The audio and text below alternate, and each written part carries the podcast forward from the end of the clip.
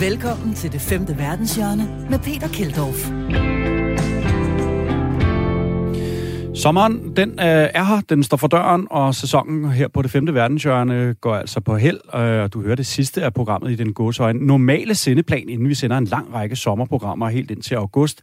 Så for at markere det, øh, det sidste i gåsøjne rigtige program, jamen, så har vi valgt at lave en afslutningsudgave, hvor vi kun kan høre de her postkort eller røverhistorier, om øh, man vil. Det er jo vores faste element, og det bliver altså hele indholdet i dag. Vi har samlet nogle af de bedste til dig, som vi har bragt igennem sæsonen.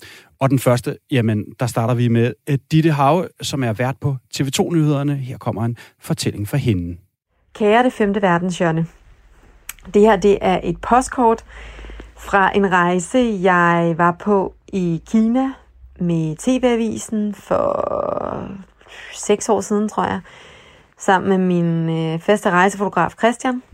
Vi var i øh, Beijing vi var rundt i Kina, men vi var i Beijing på det her tidspunkt for at dække øh, regentparet, altså dronning og prinskemalens besøg hos øh, den kinesiske præsident Xi Jinping. Øhm, og vi havde, vi skulle lave sådan et program til DR1, hvor vi øh, på en eller anden måde skulle dække det her kinesiske besøg. Øh, det var sådan ret skrabet i forhold til, at vi skulle nå at have klippet det færdigt halvandet døgn efter, at besøget var færdigt, så vi skulle ligesom have sådan nogle elementer undervejs i programmet.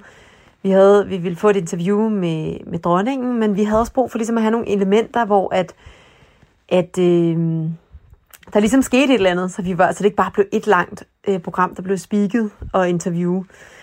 Så jeg havde fundet på, da vi stod i lufthavnen i København, at købe den lille havfru, og så en statue hos Andersen med. Og så rende rundt og spørge alle mulige kinesere som en vokspop, øh, Do you know who this is?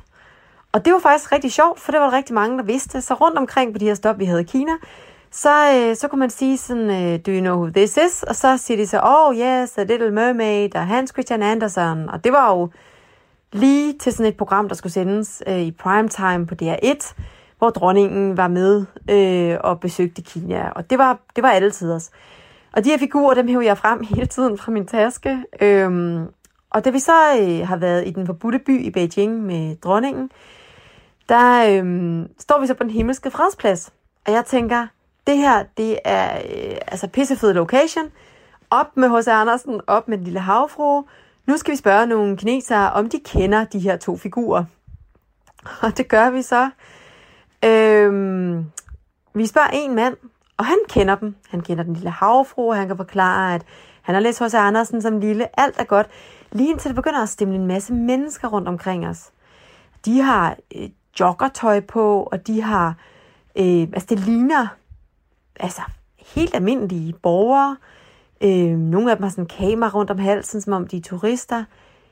Men det viser sig så, at det alt sammen er sådan noget secret service, der lige pludselig øh, bryder ind i det her interview, skiller os ad, begynder at optage, altså en, af dem, der har haft det her joggingtøj på, han hiver sådan et, et sådan GoPro-agtigt kamera frem, optager alt, hvad der er, vi siger. Øh, vi bliver afhørt, vi får taget vores pas, øh, vi får konfiskeret kameraet. Øh, ham her, øh, det stakkels menneske, som vi havde interviewet, han bliver kørt væk. Øh, mig og Christian, min fotograf, bliver skilt ad fra hinanden. Øh, de begynder at spørge mig igen og igen og igen, hvor vi kendte ham manden, vi har spurgt det her om fra øh, hvorfor vi var der. Øh, altså sådan, øh, øh, det er ret voldsomt. Øh, og undervejs, der, øh, der får jeg ringet til ambassaden.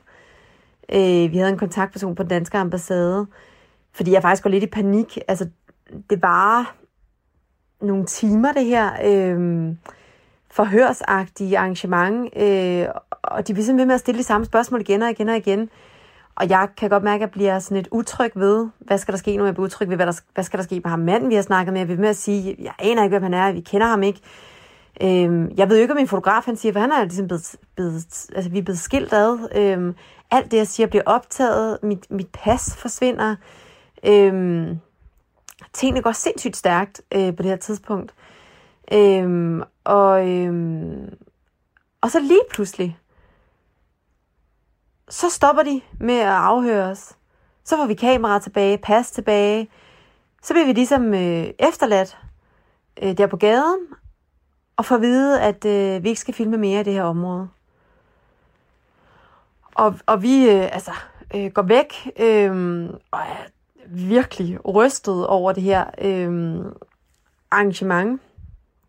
Øh, og får så sat os på en café lige rundt om hjørnet, og jeg får så snakket med dem på ambassaden igen, og får snakket med nogle korrespondenter, nogle danske korrespondenter, der er dernede. Og det viser sig jo, at altså, jeg ved ikke, hvad jeg havde regnet med, men den himmelske fredsplads er ikke et sted, man laver voxpop.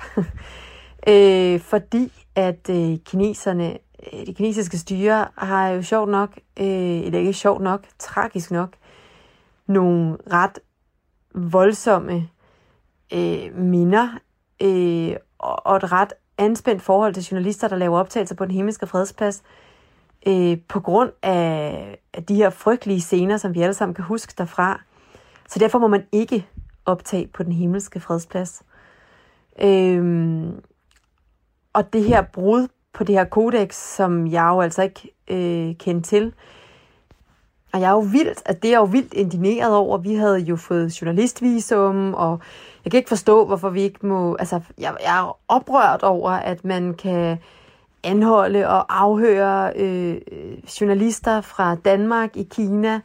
Øh, og jeg ringer hjem til min redaktør, og jeg er helt oppe i det røde felt, og også totalt chokeret oven på den her oplevelse. og så, så siger de øh, hjemme i DR-byen, ved du hvad, ja, det, åh, det er også en voldsom oplevelse og sådan noget. Øhm, Ditte, ved du hvad, vi har, vi har fandme hørt, at øh, Danmark får to pandager. To pandager får vi. Øh, sådan en høflighedsgave. Det vil jeg pisse gerne have, at du laver noget om til TV-avisen i aften. og jeg var sådan, jeg har lige været anholdt, og jeg er blevet afhørt. og øh, altså, jeg er sådan totalt i chok, og, sådan, og så var de sådan, ja, det, det kan de godt forstå, og sådan, men hold kæft, det der med de pandaer, det, det, det vil vi rigtig, rigtig gerne have.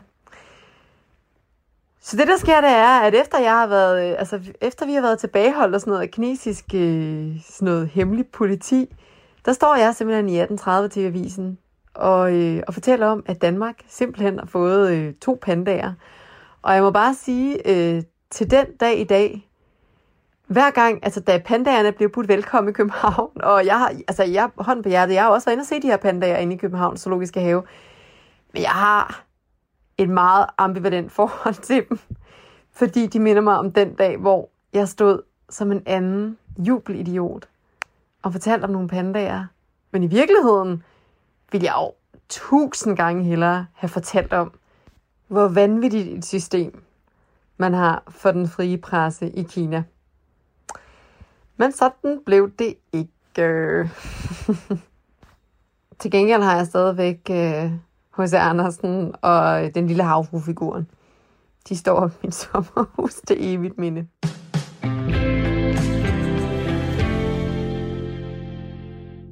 Det var altså et postkort fra Ditte Have, som er vært på TV2-nyhederne. Den næste fortælling, ja, det er en af de helt store. Øh, den kommer fra Ulrik Larsen, også kendt som Mulvarpen, øh, fra en øh, dokumentarserie af samme navn, hvor Ulrik var undercover i 10 år for at afsløre, hvad der foregår i Nordkorea.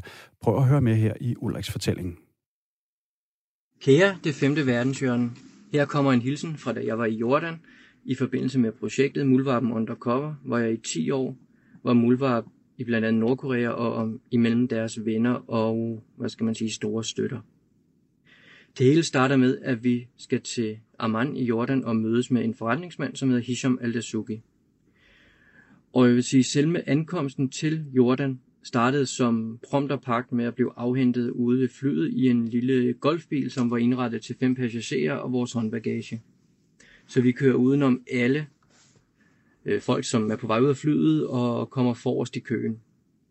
Det tager vel cirka 20 minutter i sådan en, en gammel hal, hvor, hvor det er brune borer i sådan noget mahoni, og man kan se et gammelt klimaanlæg, der kører på, på fuld øh, overdrive for ligesom at kunne holde temperaturen lidt nede. Øh, efter et stykke tid får vi så ligesom betalt en masse penge for vores øh, visum ind til Jordan, og tænker, jamen, velkommen til Jordan, og alt bliver godt. Lige indtil vi går hen til den sidste låge, hvor der står en meget, øh, hvad skal man sige, en øh, han er ikke så høj, men han er rimelig bredskuldret, veltrænet øh, politimand, som guider os til venstre. Og øh, der bliver man selvfølgelig lidt nervøs. Øh, og vi kommer om bag sådan en gammel, nærmest købmandsdisk, og så ind i et øh, lille mørkt lokale med sådan nogle nikotinfarvede gardiner, og midt i lokalet, der står et skrivebord. Og på det her skrivebord, der står en gammeldags øh, drejeskivetelefon med et stik ned i, og en øh, lille boks ved siden af til at stille nogle samtaler videre. Vi står fire mand. Øh, der er selvfølgelig mig selv, Mr. James, som også hedder Jim Latrask Fortrup. Og øh, vi kigger lidt på hinanden, og vi har en øh, producer og en øh, sikkerhedsmand med os, og kameramand. Og der begynder de ligesom at undre sig over, hvorfor vi kommer fire mand høj med et almindeligt rutefly til Amman, fordi normalt når der kommer Vesterlænding til Amman, så kommer de jo som turister i, med charterfly. Øhm, og vi får så ligesom sagt, jamen vi har et møde hernede, og vi vil jo helst ikke gå i detaljer, og vi vil jo for alt i verden undgå, at de kigger i blandt andet mit, øh, altså min kuffert og bagage, fordi jeg ligger inde med skjulte kamera, altså kamera til skjulte optagelser og mikrofoner. Øhm, og vi snakker frem og tilbage, og vi kommer så til at sige, at vi har et møde, og vi har også planer om at skal mødes med nogle øh, officials i landet. Og det bliver sådan lidt, øh, man bliver sgu lidt nervøs, når man står der og, og frygter jo, at de vil trække øh, folk færd til sit og ligesom spørge os ud, fordi det virker meget, det er sgu som når man ser en eller anden film, hvor man er i øh, Mellemøsten, og man kommer ind på de her tilrøget tilsandede kontorer, hvor der sidder en eller anden øh, politibetjent øh, med, med en magt, som man sandsynligvis også kunne bestikke, hvis det var egentlig det, man ville, men det har vi jo ingen intentioner om. Det, der så sker, da vi har siddet oppe et godt stykke tid, det er, så ringer den her telefon på bordet. øh, og det er ligesom om, at sveden perler lidt ned. Man, man kommer fra Danmark med lange bukser og, og en pæn trøje og, og lukkede sko. Og jeg vil skyde på, at der vil været en 35 plus i det her lokale. Og man er jo nervøs, når man har det her udstyr med. Da telefonen den ringer, og han tager den op, så bliver der ført en samtale på jamen, cirka halvanden, to minutter hvor, hvor han ændrer stemmeføring flere gange, og man bliver sgu lidt nervøs, om det er, de vil afhænde et salatfad, der skal smides i spjældet i, i Jordan. Øh, men øh, han lægger røret på, og demonstrativt nærmest lige knækker sine fingre, og rejser sig op og kigger på os og siger, Welcome to Jordan. Hope you enjoy your stay. Og det, øh, det er vi jo selvfølgelig taknemmelige for at komme ud. Det, der viser sig, da vi så kommer ud igennem, det er, at vi har hjemme fra Danmark af arrangeret en, en tidligere efterretningsagent for Jordan, som vores øh, sikkerhedsvagt og, og chauffør under vores ophold i Jordan.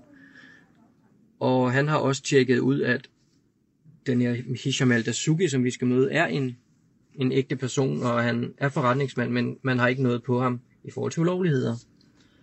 Og øh, det viser sig, at han har ringet ind, fordi han kunne se, flyet var landet fra, vi, vi fløj via øh, Wien til Amman, at det var landet, og han undrede sig over, at folk var kommet ud, og, og vi så ikke var kommet ud.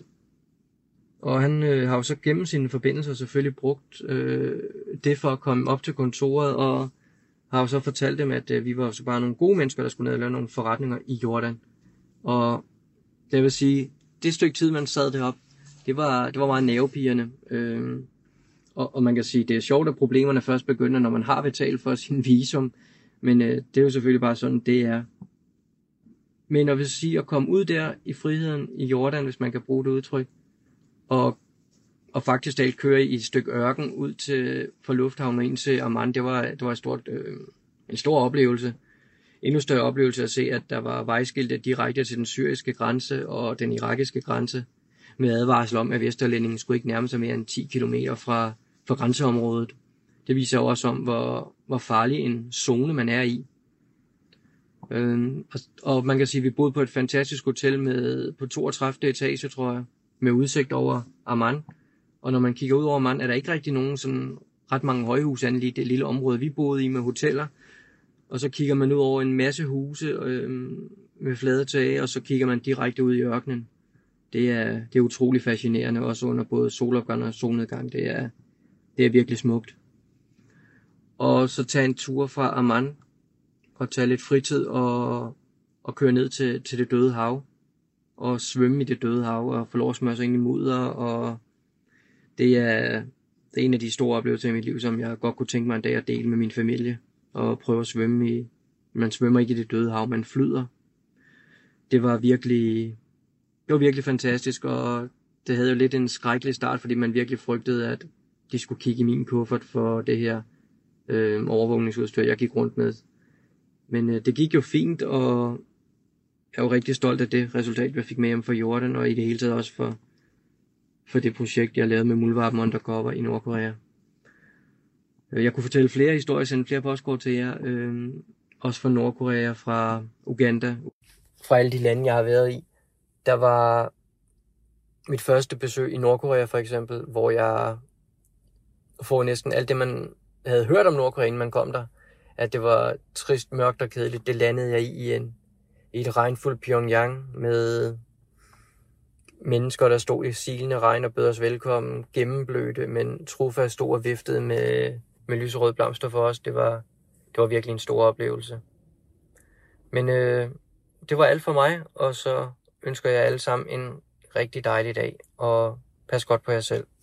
Det var alt for Ulrik Larsen, og I kender måske også som Mulvarpen, der infiltrerede Nordkorea. Hej hej.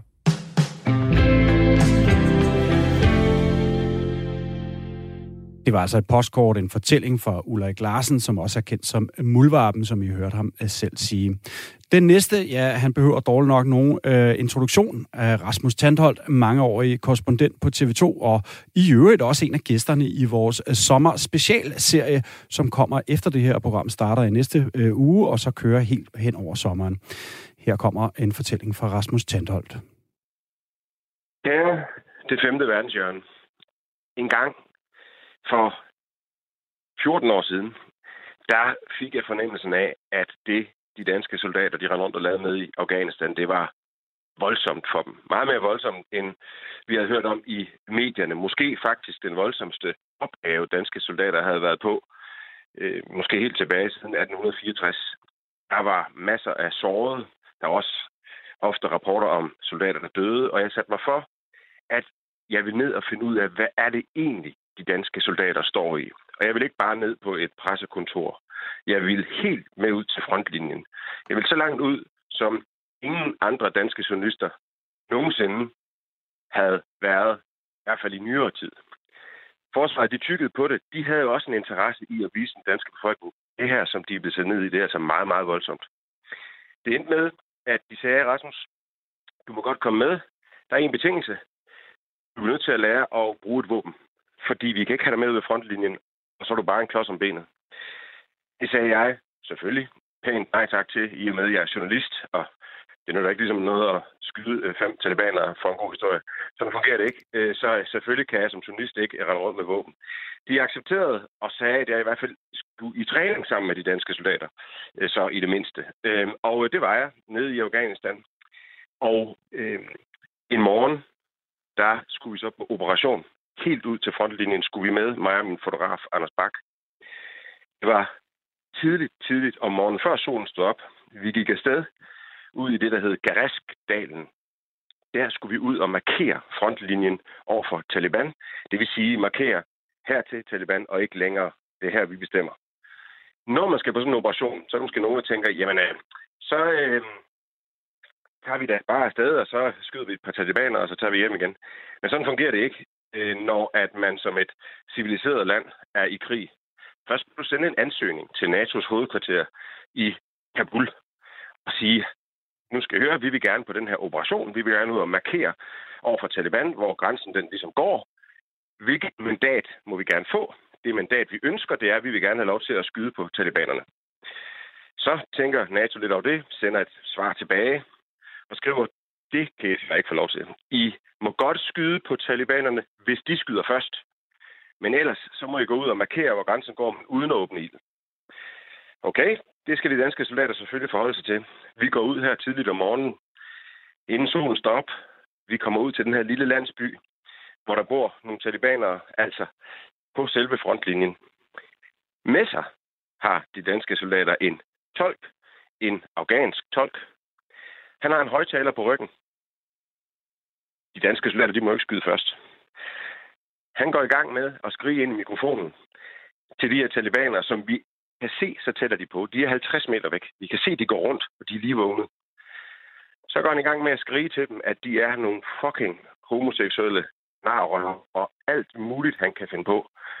Og de bliver selvfølgelig forbløffet, forskrækket, og så rasende, rasende over, at den her øh, højtaler, den sprutter de her ord ud mod dem.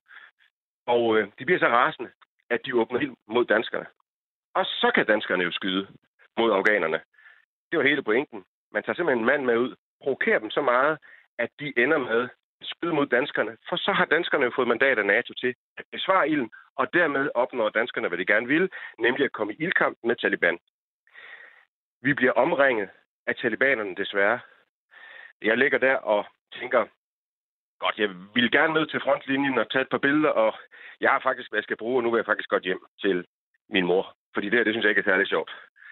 Og øh, vi kan ikke komme ud af det her. Så øh, danskerne er nødt til at tilkalde forstærkning. Det er lidt ligesom at ringe efter en pizza. De ringer til amerikanerne og siger, vi vil gerne have en øh, bombe. Vi vil gerne have den på det og det koordinat. Vi får at vide, når at den bombe den forhåbentlig rammer, så det er meget vigtigt at åbne munden så højt vi overhovedet kan. Fordi sikkerhedsafstanden til sådan 2.000 ton bombe, den er normalt 300 meter, men vi ligger kun 140 meter fra der, hvor den skal ramme. Så hvis du ikke åbner munden, så springer din trommehænder. Og jeg kan huske, at flyet kom. Vi er under angreb. Vi er omringet. Det er den eneste chance for at komme ud af det her. Og jeg kan høre, da den bliver kastet fra 10 km højde. Jeg kan høre, at den visler i luften. Og jeg tænker bare, herre Gud, hvis du findes, kan du ikke ramme præcist. Meget præcist. Helst ikke rammer os. Den rammer talibanerne. De bliver udslettet på stedet. Danskerne jubler, som om der var blevet scoret et mål i en fodboldkamp. Jeg jubler ikke. Jeg er journalist, der skal være objektiv, men jeg knytter næven og tænker, det var dem eller os. Det blev dem. Jeg laver min reportage, sender den hjem til TV2. Overskrifter i visen dagen efter er ikke danske soldater i farlig med Taliban, men derimod skandale. Danske soldater jubler over døde talibaner. Jeg gik op for mig, hvorfor det er, at jeg som journalist rejser ud. Hvorfor jeg rejser ud for at formidle, hvad der foregår. Fordi at os, der sidder derhjemme indimellem, kan have meget, meget svært ved at forstå ting, der foregår langt, langt væk. Og der er det vigtigt, at vi som journalister tager ud, sætter os ind i, hvad der foregår, og sætter os i de menneskers sted, som står i de situationer. Og jeg kunne sagtens forstå, at de danske soldater jublede. Selvfølgelig gjorde de det. De blev ikke slået ihjel. Det gjorde deres fjende, som de er sendt ned for at slå ihjel af den danske befolkning, af de danske politikere. Men når man sidder hjemme ved kaffebordet i Danmark og kigger på det, kan det se voldsomt ud. Og jeg ser det som den fineste opgave at formidle det, så danskerne får virkeligheden lige ind i stuen, så de får det bedst tænkelige grundlag til at vurdere, hvilken holdning de skal have til krigen, og hvilken holdning de skal have til danske soldater i fremtiden. Så en skræmmende oplevelse for mig, en voldsom oplevelse, hvor jeg var i soldaternes sted i to timer. Var der i seks måneder hver dag, og situationen stort set noget lignende det her, jeg oplevede. Og dermed må jeg også bare sige kæmpe respekt for de unge drenge, som tog derned 20 år, 21 år gamle. Det kan godt være, at de var uenige i missionens formål. Det kan også være, at de ikke var. Men de arbejdede for os, for danskerne, som har sendt dem derned. Og man kan lide missionen eller ej, så er det dem, der satte livet på spil. Og det må jeg sige, det har jeg stor respekt for. Der med et lille postkort med hemmelige oplysninger, som jeg ikke har fortalt før, fordi det har jeg ikke måttet for det danske forsvar, altså det her med højtaleren og tolken. Men øh, det kan jeg godt gøre nu, for nu er det så mange år siden, så det går nok. Tak for det. Det var altså en fortælling fra Rasmus Tandholt fra Afghanistan. Velkommen til det femte verdenshjørne med Peter Keldorf. Velkommen tilbage til øh, det femte verdenshjørne. Du lytter til sådan en øh, særudgave, hvor vi kun afspiller de her postkort eller røverhistorier, om du ved. Det er jo vores faste element her i programmet, hvor vi hver uge har en øh, historie fra en person, som har rejst meget i udlandet eller arbejdet meget i udlandet, som kommer med en fortælling derudefra. Fordi øh, vi jo som bekendt ved, at øh, hver eneste gang man bevæger sig derud, så sker der et eller andet, som er værd at fortælle om det er øh, til grisefest på Mallorca, eller om det er som udenrigsminister på rejse derude i den store verden, så sker der noget, øh, som man altid kan fortælle, når man kommer tilbage til Danmark. I denne udgave, øh, jamen, så kører vi kun de her postkort. Det er en slags øh, postkort greatest, og vi har jo kørt det hele første halvdel med dem. Og det næste, jamen, det kommer altså fra Magnus Boding, skribent på Weekendavisen, tidligere Latinamerika-korrespondent for selvsamme avis, og i øvrigt også forfatter til bogen Djævlen sover aldrig. Kære det femte verdenshjørne, da jeg øh, skrev min øh, bog øh, Djævlen sover aldrig, mysteriet om Latinamerikas mange mor, der mødte jeg en ret vild type i Ecatepec, som er en fattig forstad til Mexico City. Øh, ham her personen, jeg mødte, han hedder Carlos Mata, øh, og han er sådan en advokat øh, med Kim Jong-un-frisyrer med barberede sider og bølget top. Øh, han er enormt dygtig til at føre sager for de fattige voldsoffer i området, men han er især interessant, fordi han har en plan B. Han bliver kaldt for Ecatepecs Batman, fordi der er så meget straffrihed i Mexico, så er det tit, at selvom han er en dygtig advokat og gør alt, hvad man skal, øh, så går folk fri alligevel. Så i stedet for at, at give op, så øh, prøver han at få folk dømt for noget andet, øh, og, når, og når han heller ikke kan det, øh, så øh, er det nogle gange, at han tager ud sammen med nogle venner og, og smadrer deres tænder. Det forlyder, at han ikke slår dem ihjel, øh, men han er øh, en mand, der tager øh, loven i, i egne hænder.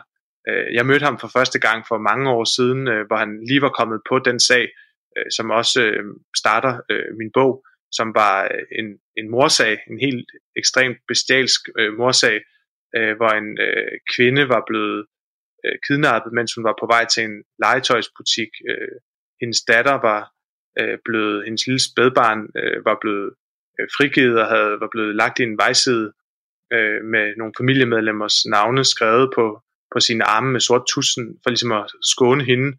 Øh, og så senere, så var moren der blevet øh, både øh, voldtaget og dræbt og øh, brændt øh, levende faktisk. Øh, og, øh, og Batman der, øh, Carlos Mata, han hører så om, om forsvindingen før politiet, og han ender med at lave sin egen politiefterforskning. Øh, og han ender også faktisk med øh, at få en mand dømt for mordet, øh, som jeg så møder i, i, i fængslet, ikke? Øh, for, for at høre hans udlægning øh, af sagen.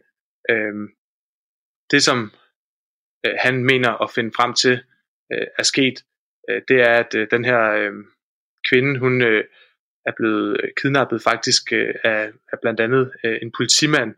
Øh, I starten der er det bare sådan en mistanke, han har, øh, fordi der er ting, der forsvinder fra den officielle øh, politirapport. Øh, der bliver ligesom mingeleret med sagen. Øh, og så på et tidspunkt, så finder han også nogle vidner, som peger på en konkret øh, politimand, øh, som han så øh, som han så får dømt. Øh, han, øh, har, han har beviser på, at den her politimand har haft noget med mordet at gøre, fordi han, øh, han, øh, han har efterfølgende øh, en telefon i hans navn er efterfølgende blevet brugt til at afpresse øh, familien, øh, og der er blevet indbetalt penge for den her afpresning på deres konto og sådan noget. Så han ved med sikkerhed, at ham her øh, politimanden, han har haft noget med det at gøre. Han har som minimum dækket over øh, mordet. Han er ikke sikker på, om det er ham, der har begået mordet, Øh, men fordi han er den her Batman-agtige hævner-figur, øh, øh, så, så beslutter han sig for, at det er nok til mig, han skal dømmes. Øh, og så bliver der faktisk øh, på, på en øh, ret øh, fin, finurlig og, og jo juridisk super problematisk øh, måde øh, fingileret lidt med sagen, så han ender med øh, at blive dømt for mordet. Øh, så på et tidspunkt så øh, beslutter jeg mig så for, at jeg vil gerne ind i det fængsel, hvor han sidder, for at høre hans øh, udlægning øh, af sagen. Øh, det er et fængsel, der hedder Chiconautla-fængslet. Øh, det ligger på sådan en øh, bakketop, øh, et fattig øh, område øh, af Ecatepec, som i sig selv er en fattig by.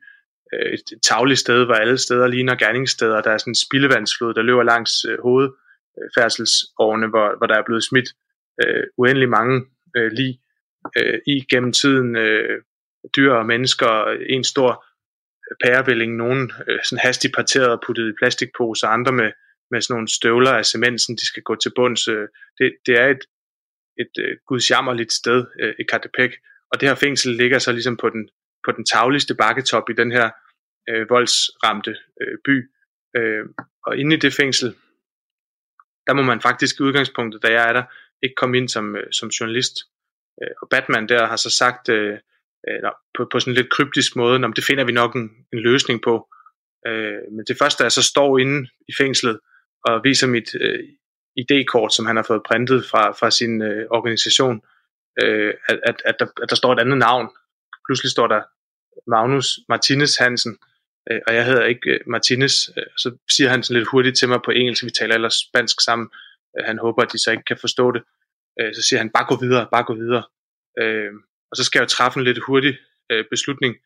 Øh, jeg er jo allerede derinde, og det var ikke min skyld, øh, at det var med et falsk øh, ID, men, det, men nu står jeg så øh, derinde og, og har, kan man sige, på en eller anden måde allerede rodet mig ud i, i det problem. Øh, så, så jeg vælger så øh, øh, lidt impulsivt at, at gå videre ind i fængslet, fordi øh, det er jo et andet vigtigt princip, øh, at man også skal lade folk komme til ord, hvis de er anklaget øh, for noget.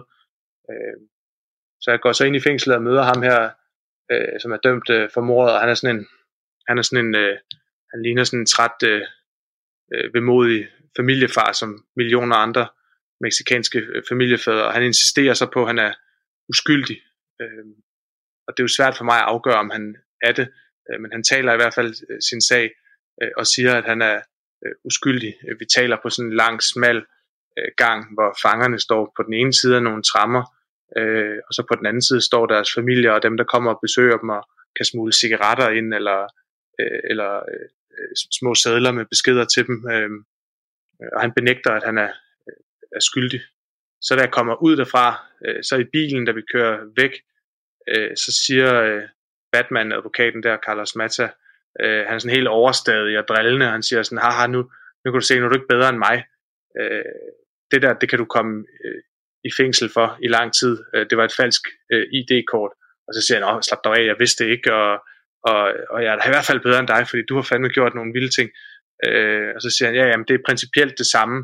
Du gjorde noget, man ikke må, fordi du synes, det var rigtigt og vigtigt. Øh, jeg synes, den her historie øh, har en morale, som er, at, øh, at folk, der befinder sig i meget, meget øh, voldelige områder, de havner i nogle meget svære dilemmaer, som er nemmere at fordømme, men, men jo bedre man forstår dem, øh, jo sværere er det at sige, hvad man selv ville have gjort i, i de situationer. Jeg havner jo i et dilemma, hvor jeg skal vælge mellem øh, ikke at lade en, øh, en morder, som bliver øh, afsløret, øh, komme til ord og forsvare sig, øh, øh, e-, eller det andet, som så ender med at ske. Øh, og, og Carlos Mata, han er jo i et endnu vildere og endnu mere ekstremt dilemma. Øh, han befinder sig et sted, hvor folk bliver slået ihjel på de her uhyrlige måder, og så skal han beslutte sig for, om han bare vil lade det ske uden straf, eller om han vil tage sagen i, i egen hånd. Øh, så, så det, jeg har prøvet at gøre med min bog, det er at gøre sådan nogle dilemmaer mere forståelige, og også fortælle, hvordan at de ligesom bliver selvfødende, de får sit eget liv. Øh, fordi folk, der havner i sådan nogle dilemmaer, de gør nogle ting, som er ret nemme at forstå i situationen. Man kan identificere sig med, at de vælger at gøre, som de gør, fordi alternativet ofte er værre. Men alligevel så er konsekvensen af det, at det hul, som alle sidder i, bliver gravet dybere og dybere. Altså det er ligesom sådan et kviksand, hvor uanset om man bevæger sig eller står stille, så synker man dybere ned. Øh, det synes jeg har været fascinerende at prøve at forstå og beskrive i, i min bog.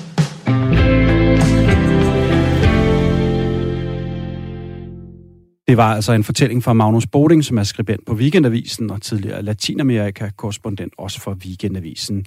Den næste fortælling, ja, den kommer fra Tony Scott, som er mange år i radiovært, og i øvrigt nu her øh, er startet her på kanalen for nylig, hvor man kan høre ham i programmet Under Nålen. Kære, det femte verdenshjørne. Så skal vi en tur og rejse med et rejsepostkort. Og i dag skal vi til Ukraine. Et helt fantastisk land. Tidligere Sovjetrepublik, og et sted, som øh, jeg faktisk har besøgt en del gange. For jeg var så heldig at dække EM-slutrunden, da den foregik i øh, Polen og Ukraine, og alle danske kampe bespillet i Ukraine. Men selvom jeg var der tre gange i løbet af slutrunden, så nåede jeg aldrig til Tjernobyl, som øh, i den grad var et øh, kæmpe mål for mig øh, i forbindelse med, med de ture. Men øh, de danske kampe spillede i andre ender af landet, og det er jo altså et ret stort land, så, øh, så Kiev var ikke på, øh, på plakaten. Så jeg havde hele tiden haft en tanke om, at der skulle jeg tilbage til på et tidspunkt. Og for nogle år siden, så fik jeg overbevist en kammerat om, at det ville være en god idé. Så nu her, hvor at øh, vi netop har passeret 35-årsdagen for ulykken ved atomkraftværket i Tjernobyl, så tænkte jeg, det passer nok meget fint med en, et lille rejsepostkort fra, fra den tur. Og det startede faktisk ekstremt dramatisk øh, i lufthavnen. Ved at mig og min ven Jannik, vi står der i check-in-skranken og begynder at bemærke, at, at der er mange hertebrede fyre med læderveste og rygmærker, der skal tjekke ind samme sted som os. Øh, det viser sig, at vi skal flyve med omkring 50 banditersrockere til Kiev, hvor der samme øh, forlængede weekend, som vi er der, også er banditters træf. Og øh, du har sikkert aldrig fløjet med 50 banditters rockere. Det havde jeg i hvert fald ikke. Og det er en meget anderledes oplevelse, end alle andre flyture, jeg nogensinde har været på. Vi sidder hver for sig, så jeg sidder sammen med to banditers rockere, og det gør min kammerat også. Øh, og der er en ret livlig stemning. Personalet er pænt træt af dem.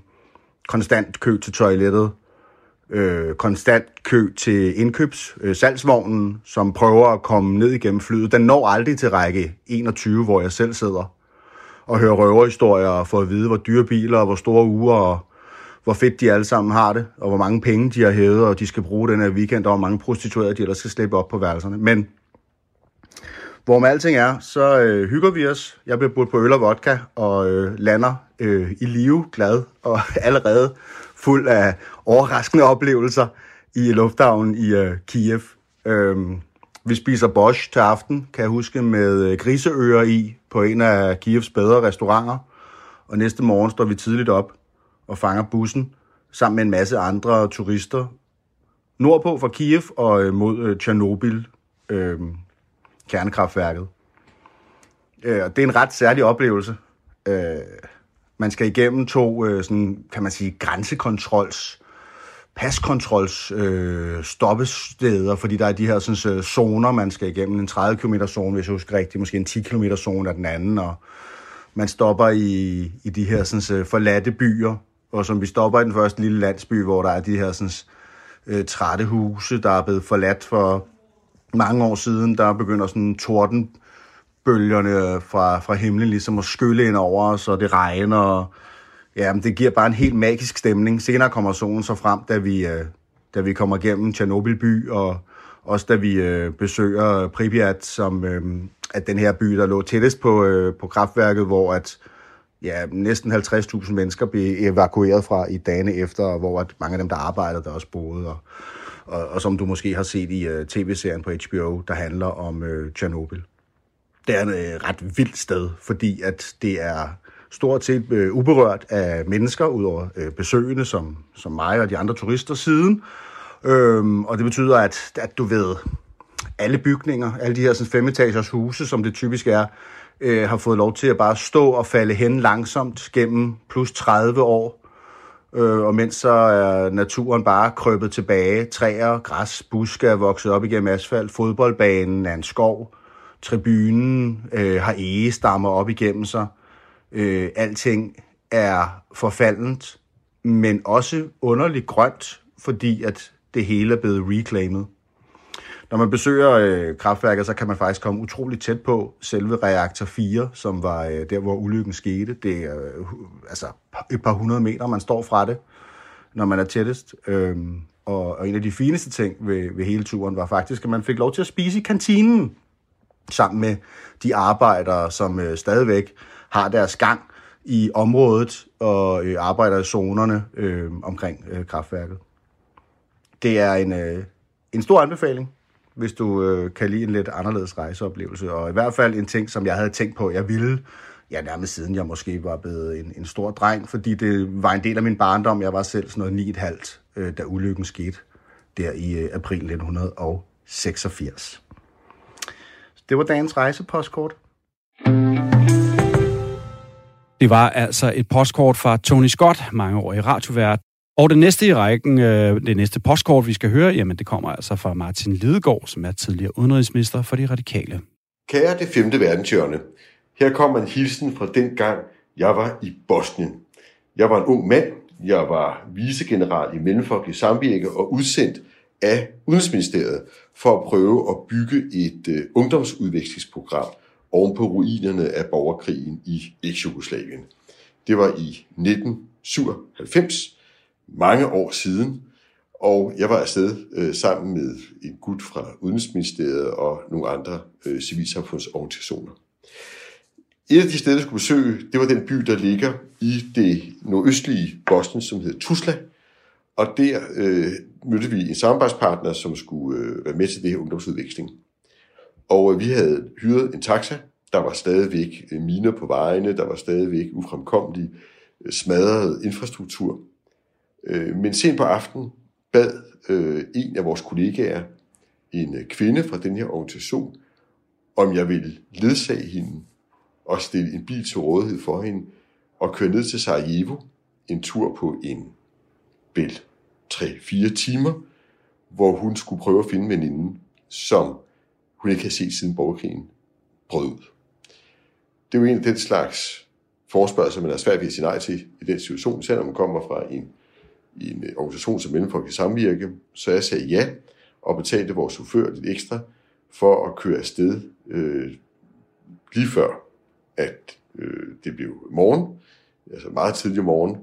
Øh, vi kørte afsted og snoede bjergveje. Jeg skulle hilse at sige, at der fyldte mig langt væk. Jeg kunne stadig se artilleriet på den modsatte side af bjergskråningen.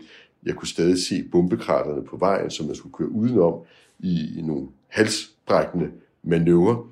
Men først og fremmest kunne jeg jo se min veninde, der sad på bagsædet sammen med mig, og var helt bleg, for hun vidste faktisk ikke, om hendes veninde var død eller levende, og hvad der var sket med hende øh, i Sarajevo. Der var ikke mulighed for kontakt, dengang var mobiltelefonen ikke opfundet, og de har ikke set hinanden tre år.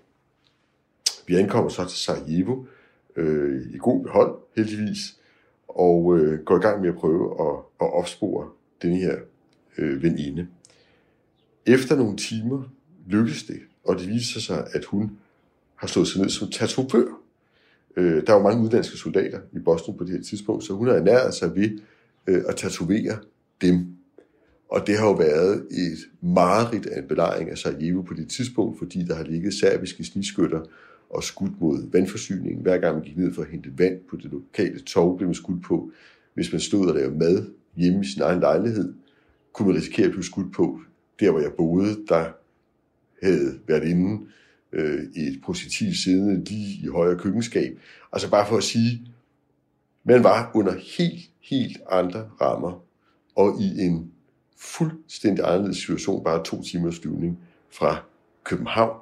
Og det gik op for mig, hvor skadelig og ødelæggende krig er, og hvor afgørende det er at bevare freden og arbejde for freden, øh, uanset hvor man er.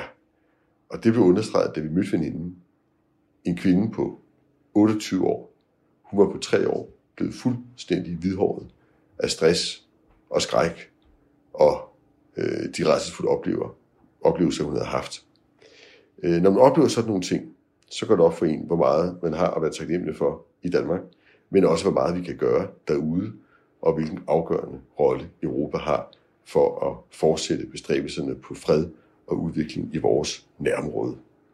Ja, ikke den mest mundre beretning, men med til historien hører jo altså, at veninden kom med hjem, og så vidt jeg ved, lever godt i dag, og at vi dog heldigvis har nogenlunde fred, men ikke den udvikling, vi helt kunne ønske os i eks-Jugoslavien.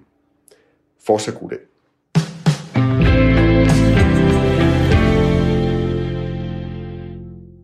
Ja, det var altså et postkort, en fortælling fra Martin Lidegaard, som er tidligere udenrigsminister for de radikale, og hvis du lige har hoppet ind, jamen så er vi i gang med en slags særudgave, en specialudgave af det femte verdenshjørne, hvor vi kun kører de her postkort, røverhistorien, fortællingen fra den store verden, øh, i sådan en øh, sidste øh, udgave, inden at vi sender nogle speciale sommerprogrammer. Den næste i rækken, jamen altså, det kommer fra Gyrit Cecilie Ross, øh, som er journalist, radio og tv-vært. Kære det femte verdenshjørne, her kommer en hilsen fra den gang, jeg var i det nordlige Læres. I virkeligheden, så er det også historien om, da jeg lærte at drikke brændevin. Men den her tur var ikke ferie. Jeg rejste nemlig med en humanitær organisation for mit daværende arbejde på B3, fordi der snart var Danmarks indsamling.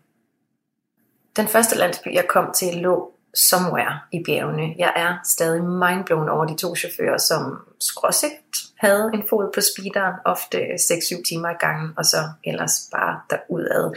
De kørte uden tøven gennem bananplantager og ingenmandsland på tværs af floder og værst på veje, der skyller væk i regntiden, langt, langt op i bjergene med måske en kilometers frit fald fra kanten, og tillad mig lige at udpensle. Kanten føles som en ret diffus størrelse. Men ikke alene fik de os frem, de fik os helskinnet frem, dobbelt op på imponerende. Så ved frokosttid, der stod jeg i, hvad der måske var en koordinat på et kort ved hjælp af en satellittelefon, men som i realiteten var en rismark i lagers, og jeg skulle tisse. Det skulle halvdelen af landsbyen åbenbart også. Sådan føltes det i hvert fald, men nej, de var bare rigtig mange om at vise mig vej hen til det.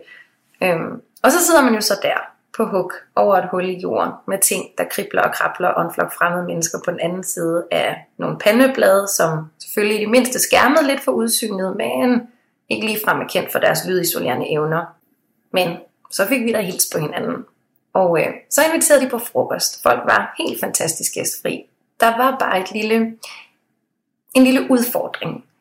Inden frokost, der havde jeg interviewet flere af landsbyens indbyggere. Jeg havde også talt med den humanitære organisations lokale leder, og den her landsby var faktisk i processen af at modtage hjælp. Så udover det das, jeg lige havde stiftet bekendtskab til, så var der blevet bygget en brønd, der var rindende vand flere steder, og der var blevet bygget hønsegårde og indhegning til større landbrugsdyr og alt sådan noget. Og udover det, så var alle landsbyens beboere også ved at modtage undervisning i hygiejne. De var kort sagt ved at lære, at man ikke skider samme sted, som man spiser, at man vasker hænder efter toiletbesøg og inden man laver mad. Og nu siger jeg ikke, at en god skidehistorie ikke kan være virkelig sjov. Jeg siger bare, at to timers udførlig belysning af landsbyens udfordringer, i det her tilfælde orm i maven og diarré, det fungerer bare ikke sindssygt godt som appetizer. Så da jeg satte mig ned på jorden, en rismark, der lå i brak, og betragtede de bunker mad, som var placeret på det her intimistiske bord af bananpalmeblade foran mine fødder, der var jeg, skal vi sige, lidt loven ved situationen. Det fungerede nemlig sådan, at hele landsbyen sad ned til bordet, og praksis var, at man ligesom bare tog sin hånd og brugte den som ske eller tatøj. Og på et tidspunkt, der tilbyder en af de lokale mænd mig et pillet æg. Det er helt igennem venligt, men ægget har sorte fingeraftryk af der, hvor hans hænder ligesom har holdt ved det, eller hans fingre har været. Omtrent på samme tid, så er det shotglas, som er gået på omgang, noget hen til mig. Og øh, der bliver hældt et nyt øh, shot op af noget grynet væske af hjemmebrand, lav lav hedder det. Og så sidder jeg så der med en hel landsbys øjne rettet på mig med et beskidt æg i den ene hånd og et fælles glas med hjemmebrand i den anden. Jeg er på udebane. Det eneste, jeg kan tænke på, det er de tusind timer, jeg skal sidde i en bil den næste uge. Men jeg er også godt klar over, hvor stor en gestus det her festmåltid det er for landsbyen. Og hvor utaknemmelig og forkælet jeg lidt sidder der og er. Men hvad gør man? Altså, det var jo virkelig vigtigt, at jeg kunne fungere som selvfølgelig menneske, men især som journalist her, for der skulle fortælles nogle virkelig vigtige historier. Jeg kunne selvfølgelig også tage del i historien, og så samtidig udvise lidt respekt over for de mennesker, jeg sad overfor. Så jeg stak fortænderne i ægget og skyllede ned med et shot. Lav fucking lav, everybody. Og tro det eller være, men jeg nåede over alle bjerge og gennem alle nålesving, og jeg fik fortalt en masse historier. Og ja, drukket en masse brændevin. Det var en fortælling fra Gyrith Cecilie Ross, journalist, øh, radio- og tv-vært, og med det, jamen, så nåede vi øh, slutningen på det her, øh, den her særudgave af det femte verdenshjørne. Vi har været i gang i dag og kun hørt de her postkort, som er vores faste element, som vi jo kører hver eneste uge, når vi sender. Og så kørte vi altså uh, Postkort Greatest, tror jeg, jeg kom til at kalde det på et tidspunkt, altså de bedste fortællinger, som har kørt her i den sidste halvdel af forårssæsonen. Nu øh, er sommeren altså snart i gang, men bare roligt, det femte verdenshjørne smutter ingen steder. Vi har øh, allerede lavet en række særudgaver til dig, hvor vi har en gæst med, igennem hele timen, og de kører altså de næste seks uger, og så kan jeg øvrigt også øh, fortælle jer øh, ængstelige lyttere derude, at det femte verdenshjørne i det oprindelige format skam vender tilbage til efteråret. Men altså øh, hen over sommeren, jamen, der kan du høre en lang række særudgaver, hvor vi som sagt har en gæst med, en, øh, en gæsteværk, kan man sige, der har med igennem, øh, igennem de her programmer, som kører hen over sommeren. Det var alt for den her uge, og vi høres jo selvfølgelig med i næste uge. Og jeg skal huske at sige, at det her program det er produceret af Beam Audio Agency for Radio 4.